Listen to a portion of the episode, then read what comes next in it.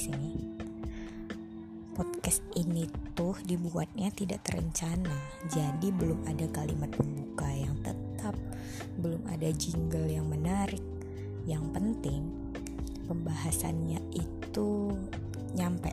Maksudnya yang ingin angga sampaikan ke orang-orang itu sampai gitu loh maknanya walaupun kita nggak tahu ya kan entah iya pendeng yang pendengar tangkap sama yang kita katakan itu beneran sejalan atau sesuai kayak gitu. Paling enggak dari durasi 00 sampai 2 menit paling enggak adalah satu poin pastikan yang baik yang nyangkut di telinga pendengar kayak gitu. Kan? Gitu. Gitu. Terus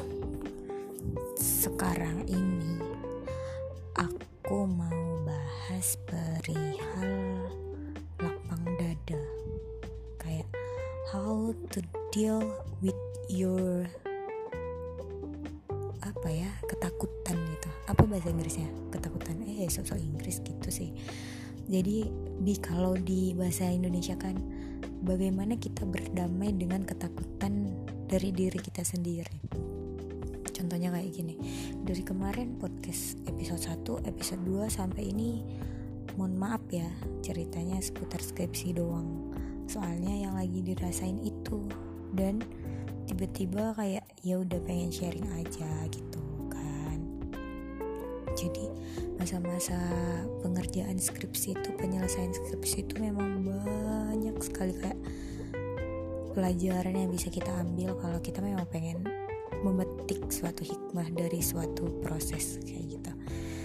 Contohnya ya kayak gini skripsi itu kan bukan hanya melibatkan diri kita sendiri ada orang lain juga. Orang lain yang dimaksud siapa? Staf program studi. Staf fakultas. Dosen pembimbing. Dosen program studi. Teman. Orang tua. Keluarga. Om tante. Semua orang. Ada dilibatkan pasti dalam skripsi itu. Memangnya keluarga keterlibatan keterlibatan keluarga dalam skripsi itu apa? Pertanyaan kapan wisuda? Atau kayak yang udah semester berapa? Kok belum wisuda wisuda atau udah sidang ya? Atau pertanyaan-pertanyaan lainnya yang sebenarnya kalau untuk tipe-tipe orang kayak aku ya aku cek-cek aja. Maksudnya bisa jadi bisa dijadikan sebagai suatu semangat atau kalimat-kalimat yang bisa nge-push kita itu untuk lebih bersemangat. Tapi untuk orang-orang yang hatinya sensitif lembut baper maksudnya baper dalam hal ini tuh bukan baper yang kayak orang bilang e, iya sih lo baperan kayak yang ngeremehin baper gitu tapi baper yang lebih hatinya yang lembut aja gitu. Pasti jadi kepikiran kayak gitu. Jadi keterlibatan keluarga itu juga pasti ada dalam pembuatan skripsi. Apalagi kan kalau misalkan kita buat skripsi sampai begadang-begadang gitu. Memangnya di situ keluarga nggak berperan? Kayak pagi nelfon nanya udah sampai mana deh skripsinya perkembangannya? Gitu sih peran keluarga kalau dalam pembuatan skripsi. Yang kedua staff program studi staff program studi itu yang kayak contohnya yang ngapain administrasi transkrip nilai kita kayak gitu. Kan kalau misalkan di kampusku kalau misalkan mau mau daftar sidang itu kita harus punya transkrip nilai dulu. Dan transkrip nilai itu diurusnya di staff prodi atau staff program studi. Jadi kalau misalkan kalau misalkan aduh lupa mau ngomong apa intinya gitu staff program studi. Yang ketiga ada dosen pembimbing. Yang paling sering kayak berhubungan sama kita itu dosen pembimbing. Kalau kayak staff prodi staff fakultas itu mah sekali-sekali aja. Jadi yang paling sering itu pasti yang paling sering interaksi itu pasti pasti dosen pembimbing. Kayak gini kayak kemarin kejadian kejadian beberapa teman sebenarnya dia udah layak di ACC misalkan. Layak untuk ujian munakasa gitu. Tapi dosen pembimbingnya belum siap. Jadi kalau cuma dari satu pihak aja yang siap sementara pihak lainnya yang terlibat belum siap nggak nyatu dia kan nggak jodoh. Tujuannya nggak sama kayak gini tujuanku aku ingin ACC ibu tuh malah belum meng kan aku kayak gitu.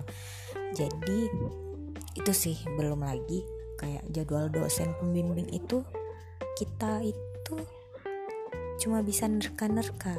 Jadi mahasiswa ke kekat tadi guys dipanggil. Jadi sampai mana tadi ceritanya. Uh, oh ini menjadi mahasiswa semester akhir itu dilema di ambang batas kegalauan. Satu, kalau ini hubungannya dengan dosen pembimbing ya, kita butuh untuk bimbingan, tapi kita untuk memulai ngechat duluan itu kayak segan, kayak ragu, kayak kira-kira kalau ngechat jam segini sopan gak ya? Kalau aku pakai kata-kata ini sopan gak ya? Karena jujur aja, kalau misalkan kita aja lah kita berteman sama orang terus teman kita tuh mau minta tolong sama kita atau dia butuh kita. Tiba-tiba dia ngechat P Angga di mana? Pasti kan kita kayak respon kita di rumah kenapa? Boleh minta tolong? Kita moodnya maksudnya gini moodnya bisa langsung tercipta bagus atau bisa jadi langsung jelek. Anak ini butuh tapi ngechat P. Coba bandingkan sama orang yang ngechat kayak gini assalamualaikum angga maaf mengganggu angga di mana? Kayak gitu. Ya kan kayak gitu. Misalkan assalamualaikum angga maaf mengganggu angga lagi di mana? Kalau tari misalkan yang ngechat tari kalau tari kalau tari boleh minta tolong sama angga pasti mood kita langsung kayak oh aku diapresiasi sebagai manusia. Aku dihargai sebagai manusia. Pasti mood kita baik kan? Dan kita juga dan niat kita untuk membantu orang lain juga pasti bisa jadi lebih besar daripada yang cuma di chat. P Angga di mana? Boleh tolong bla bla bla bla kayak gitu. Sama kejadiannya kayak dosen pembimbing. Kalau kita ngechat dia kayak ada kalimat yang bisa menyentil hatinya atau membuat moodnya jadi buruk bisa jadi kita nggak diterima bimbingan. Nah itu dilema jadi mahasiswa akhir. Satu galau masalah waktu kapan ngehubunginya. Karena di satu sisi juga dosen pembimbing itu pasti punya kehidupan lain di luar kampus. Apalagi kalau dosen-dosen pembimbing kita itu udah punya keluarga. Jadi kayak kita harus paham-paham lah kalau misalkan di rumah dia punya keluarga dan gak stay tune di depan handphone mantengi anak bimbingannya ngechat apa kayak gitu. Kan gak itu aja nggak hidup dia tuh nggak tentang perkuliahan dan skripsi aja dan anak bimbingannya aja kayak gitu. Jadi kita juga harus paham itu kayak gitu. Nah terus kayak kalau misalkan kita ngetrit dosen itu kita paham dosen itu gimana dengan baik. Kayak kita tahu timingnya kapan kita harus ngechat dia kapan kita nggak ngechat dia kapan kita nanya kita kapan harus bimbingan kapan kita nggak bimbingan. Pasti dia kayak oh anak ini ngerti aku. Dia pasti akan bantu kita kok. Maksudnya bantu dalam hal dia pasti bakalan ingat kita. Jadi baik aja gitu hubungannya. Dan itu jadi kayak ya udah enak-enak aja. Tuh jadi benar kalau skripsi itu bukan tentang diri kita sendiri dan skripsi itu juga tapi ada dosen pembimbing. Kepada dosen pembimbing yang lainnya kayak sering kali kayak kita tuh pengen bimbingan tapi dosen itu sibuk tapi nggak sibuk dengan skripsinya kita sibuk dengan hal lain. Contohnya apa? Kayak entah dia ada peningkatan mutu dirinya sebagai dosen yang harus dilakukannya penelitian, seminar, segala macam. Terus kita harus gimana? Harus paham kayak gitu. Dan mencoba untuk deal with di situation itu kayak oke, okay, oke. Okay. Memang kindly harus banyak bersabar kayak gitu. Tuh. Yang ke habis itu apa lagi ya? Kalau hubungan sama dosen pembimbing dosen pembimbing kayak oh ya aku mau cerita. Ini pengalaman sendiri. Jadi kayak mood mood dari awal aku bimbingan itu dosen pembimbingku itu kayak udah mungkin nggak ada bermasalah lah sama aku ya kan? Dari bimbingan pertama kedua ketiga keempat sampai kemarin ada teman seperbimbinganku yang dia itu udah beberapa kali revisi. Padahal kami seminar proposalnya sama tapi dia kayak ketika menjelang lebaran dia kebut tuh kebut revisian bimbingan sama dosen pembimbing kami ini. Sementara aku karena udah disuruh pulang sama orang rumah sama bos besar jadi ya udah pulanglah ke rumah. Ditinggalkanlah skripsi.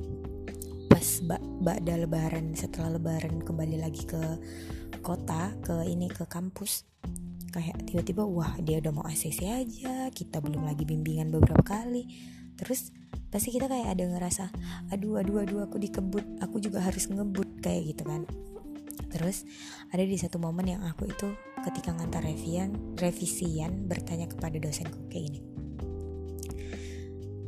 Bu, kapan Angga masuk ke bab 4? Karena kebetulan dosen pembimbingku ini kalau bimbingan skripsi sama dia, kan seminar proposal itu kalau di kampusku bab 1 sampai bab 3. Bab 4 itu pembahasan sama bab 5 kesimpulan.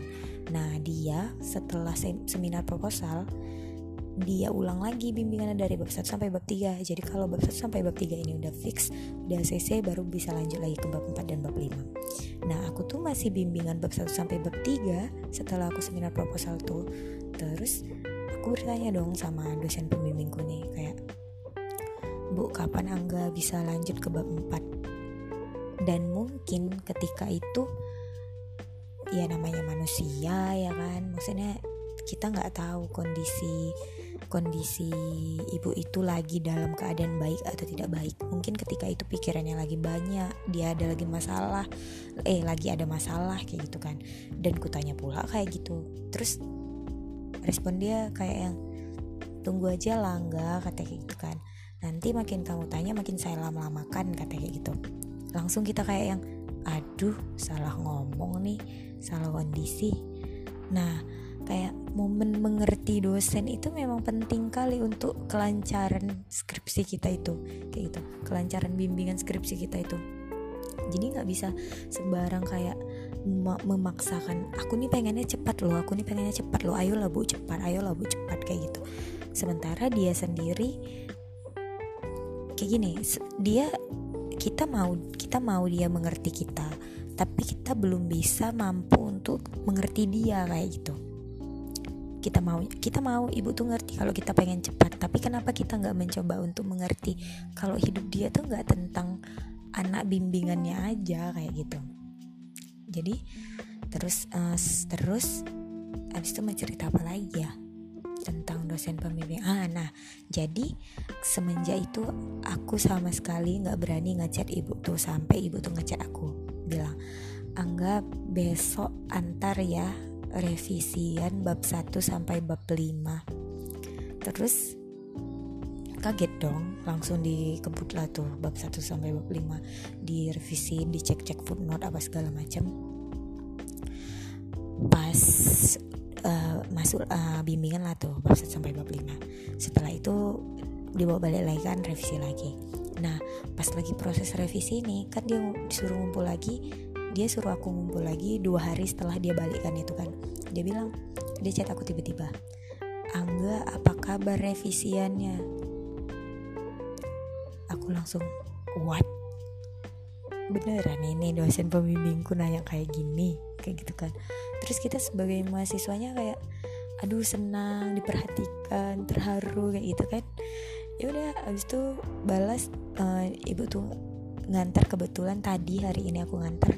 Terus mungkin alhamdulillahnya mood dia lagi baik terus dia bilang ya udah lengkapi berkasnya besok ibu tanda tangani langsung sama belangko penilaian belangko apa segala macam semua semua keper, keperluan untuk pendaftaran sidang lah kan terus kayak aku mikir di saat aku tidak berharap untuk cepat di ACC ada sih kayak harapan untuk ya Allah cepatlah ACC cuman karena kita udah kena di satu momen yang tadi itu yang aku ceritakan tadi jadi nggak mau berharap banyak gitu loh nggak mau lebih dari 20% berharapnya kalau bakalan di ACC cepat kayak gitu ketiga kita dengan staf fakultas. Jadi kalau di kampus itu kampusku itu kalau misalkan udah selesai sidang atau dalam proses sidang ada kita akan berurusan sama staf-staf fakultas yang contohnya dalam pengurusan perpanjangan SK pembimbing terus uh, apa ya lagi surat keterangan lulus kayak kayak gitu gitulah yang berhubungan sama staf fakultas. Nah kadang kayak gini nggak semua orang itu adalah setipe dengan kita ada tipikal orang yang kerjanya gesit, cepat, rapi. Ada orang yang kerjanya lambat, sistematis, namun pasti. Ada juga orang yang kerjanya cepat tapi gerasa gerusuk kayak gitu. Nah, tipe orang-orang staf fakultas aku nih tipe yang kerja santuy, sistematis.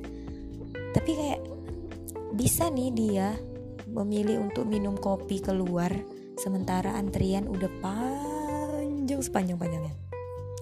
Bukan maksud untuk jelek-jelekin fakultas sendiri cuman ini ada poinnya itu bagaimana kita bisa kayak mengambil hikmah dari sebuah proses yang kita jalani.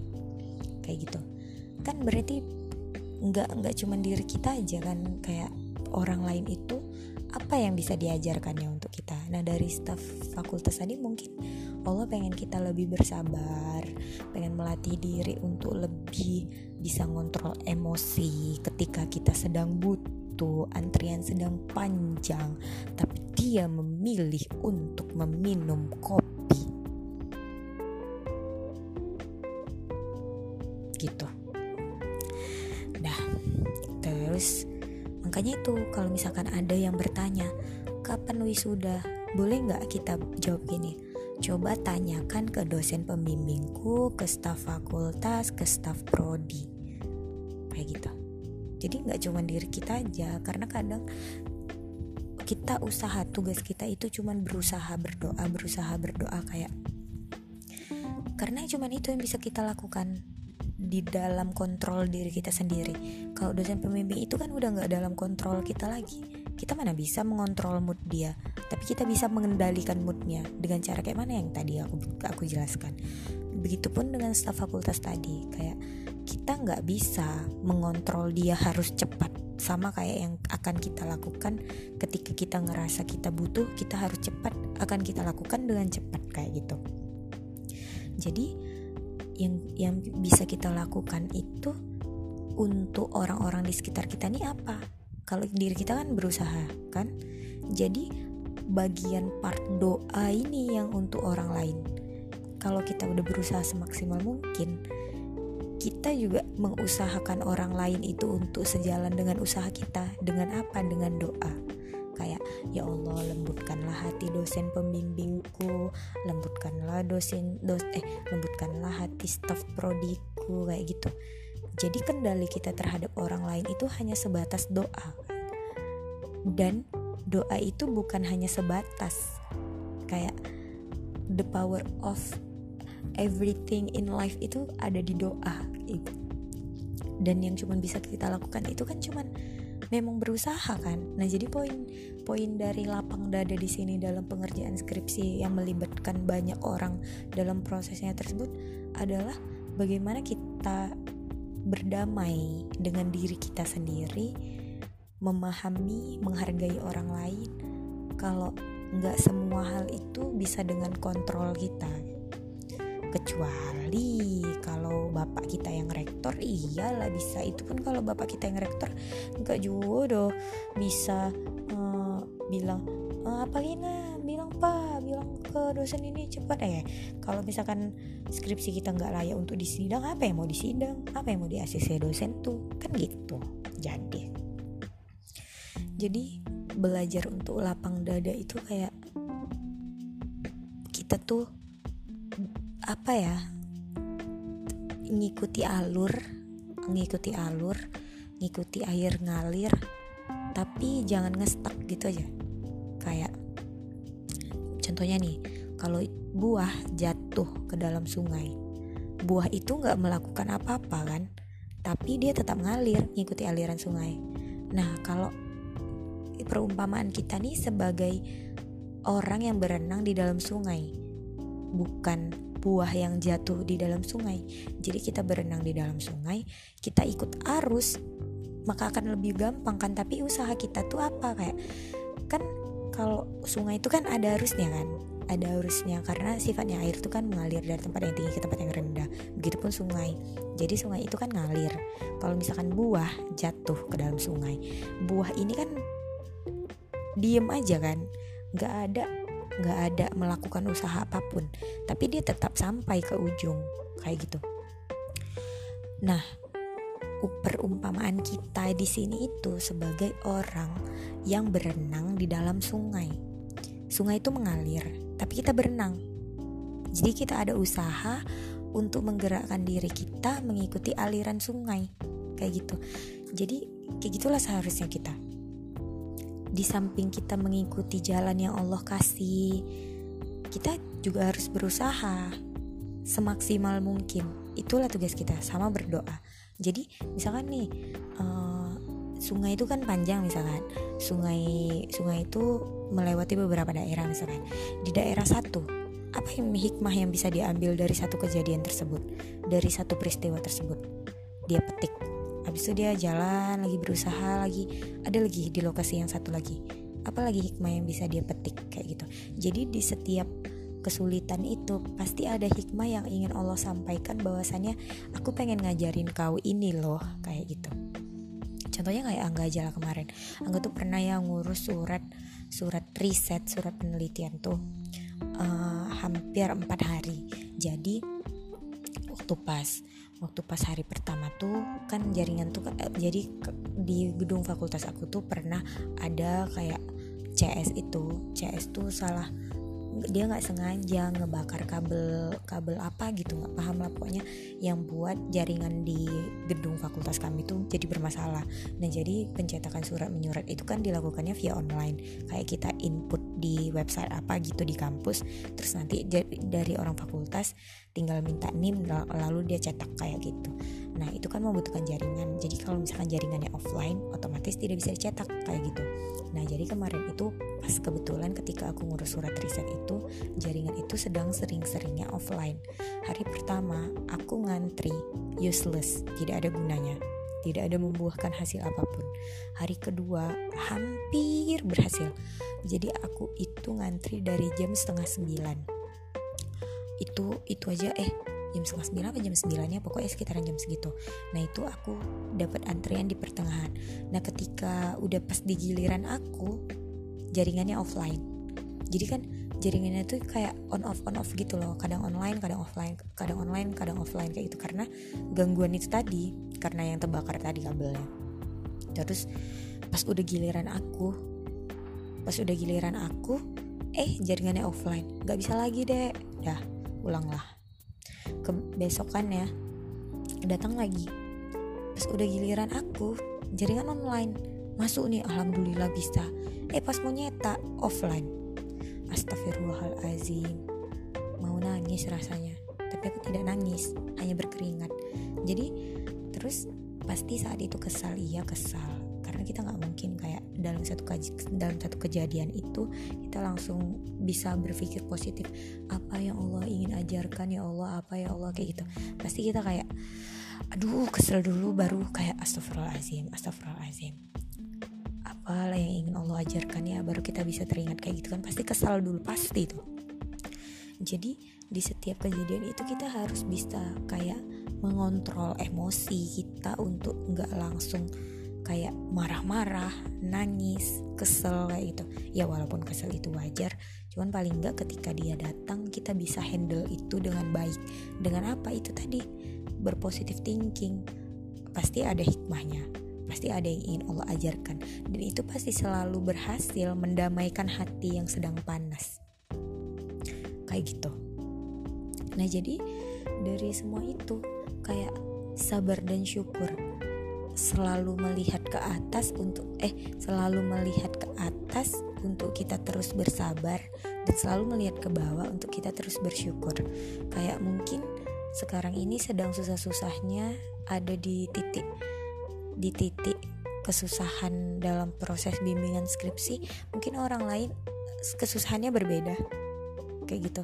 Mungkin ada yang lebih parah dari kita. Atau kesusahannya nggak sekarang tapi nanti kayak gitu. Karena setiap orang pasti mengalami kemudahan dan kesusahan kesusahannya sendiri. Jadi bagaimana cara kita lagi untuk berdamai dan mendamaikan hati kayak berpikir positif. Oh pasti ada hikmah yang kupetik. Oh pasti ada pengalaman terhadap ini. Oh pasti ada yang bisa mendewasakan diri kita. Kayak gitu. Nah kejadiannya itu sama tuh. Kayak aku kemarin. Kemarin minggu lalu ngeliat kawan ACC kawan yang sempronya beda seminggu sama aku tapi aku duluan sempro udah ACC tapi aku belum. Kayak aduh kenapa ketinggalan banget? Kayak gitu kan. Awalnya tuh kayak uh, ada tuh setan-setan pasti mencoba mencari celah-celah untuk uh, ayolah ayolah kayak membisikkan untuk menjadi syirik dan segala macam kayak iri-iri. Syirik itu kan menduakan Allah ya. Iri gitu. Sirik sirik tanda tak mampu gitu-gitu. Pokoknya itulah dengki kayak itu. Jadi tapi tapi kayak mana cara kita untuk meyakinkan? Enggak loh enggak enggak. Masing-masing orang pasti punya jalannya.